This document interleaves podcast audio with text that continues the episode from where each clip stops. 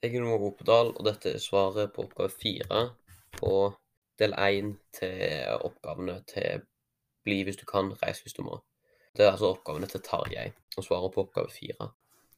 Altså, før jakten så var det veldig god stemning mellom Tarjei og faren, og de koste seg. Faren uh, skjenka øl til Tarjei, og uh, de hadde et veldig liksom, sterkt og godt bånd. Og så under jakten så skyter Tarjei feil. Han skyter og treffer uh, en person, Johan. Skyter han i hodet, sånn at han, Johan blir lagt inn i koma. Faren tar på seg skylden for det, for hele familien og landsbygda og alle. Og eh, det er faren som egentlig tar hovedstøyten for det. Det er jo selvfølgelig Tarjei kjempedårlig samvittighet, og han vil jo ikke Tarjei vil jo ikke at faren skal ta på seg skylden for det, eh, men faren bare gjør det automatisk. Og Tarjei blir veldig, veldig sterkt påvirka av dette her. Eh, han sier blant annet Altså, Tarjei jo veldig sterkt påvirka av dette her. Um, I en diskusjon med søstera hans, f.eks., så sier søstera at uh, hun ser for seg år og uken i rundinger, men uh, Tarjei sier uh, etter Altså Tarjei som forteller sier til leseren etterpå at rundingen i hodet borte, og ukedagen er borte, og alt som igjen et svart rom der jeg ikke får tak i tankene som raser gjennom hodet. Det, skjer, det sier han på side 32. Og det viser liksom at hele han er i sjokk fortsatt. da. Eh, og liksom prøver å prosessere det og klarer ikke å tenke seg at noe så galt kan ha skjedd. For det var jo en feil at han skøyt Johan. Men likevel at noe så sykt kan ha skjedd, eh, klarer ikke han å ta inn over seg. Men selv om faren tar på seg skylden for at Tarjei skjøt på Johan og sier at det var faren som gjorde det istedenfor. Så eh, Tarjei liker det jo ikke. Eh, det, det, er jo ikke han som eh, er påtrenger for det, men han er likevel litt glad for det.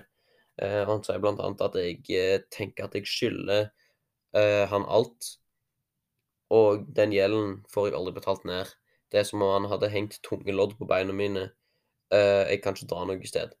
Det skjer på side, 40, nei, side 35. Og det sier jo noe da om hvordan han både er glad for at uh, faren uh, sa det, men det er en byrde på han, og det er en gjeld som han har som han må betale, som han ikke har valgt på noen som helst måte. Så han er mest sur på faren uh, for at han tok det på seg sjøl. Uh, for at det er en gjeld som han er stuck med resten av uh, livet, som han ikke klarer å betale tilbake. Og det ser vi òg seinere i uh, historien, når eh, Tarjei går uh, til militæret. Så klarer han jo ikke å skyte med våpenet. Det liksom, viser liksom hvor sterke spor uh, denne hendelsen har satt i Tarjei. da. En annen av grunnene til at Tarjei blir så fortvilt og i konflikt med seg sjøl, er jo òg fordi at han kan ikke fortelle dette til noen. For at faren har jo fortalt til familien og alt at eh, det er han som skjøt Johan, så Tarjei kan ikke fortelle til noen at det egentlig var Tarjei som skjøt Johan. Og Derfor er han òg veldig fortvilt, så han ender jo opp med å skrive det til seg sjøl. Eh, det er et sitat på 33, side 33 der det står Jeg fortalte det til meg sjøl, en gammel uskrevet kladdebok. Mine bokstaver, mine ord, rydda litt opp i knutene. Så det, det, sier jo da at Tarjei har et enormt behov for å få det ut og si det til i hvert fall noen.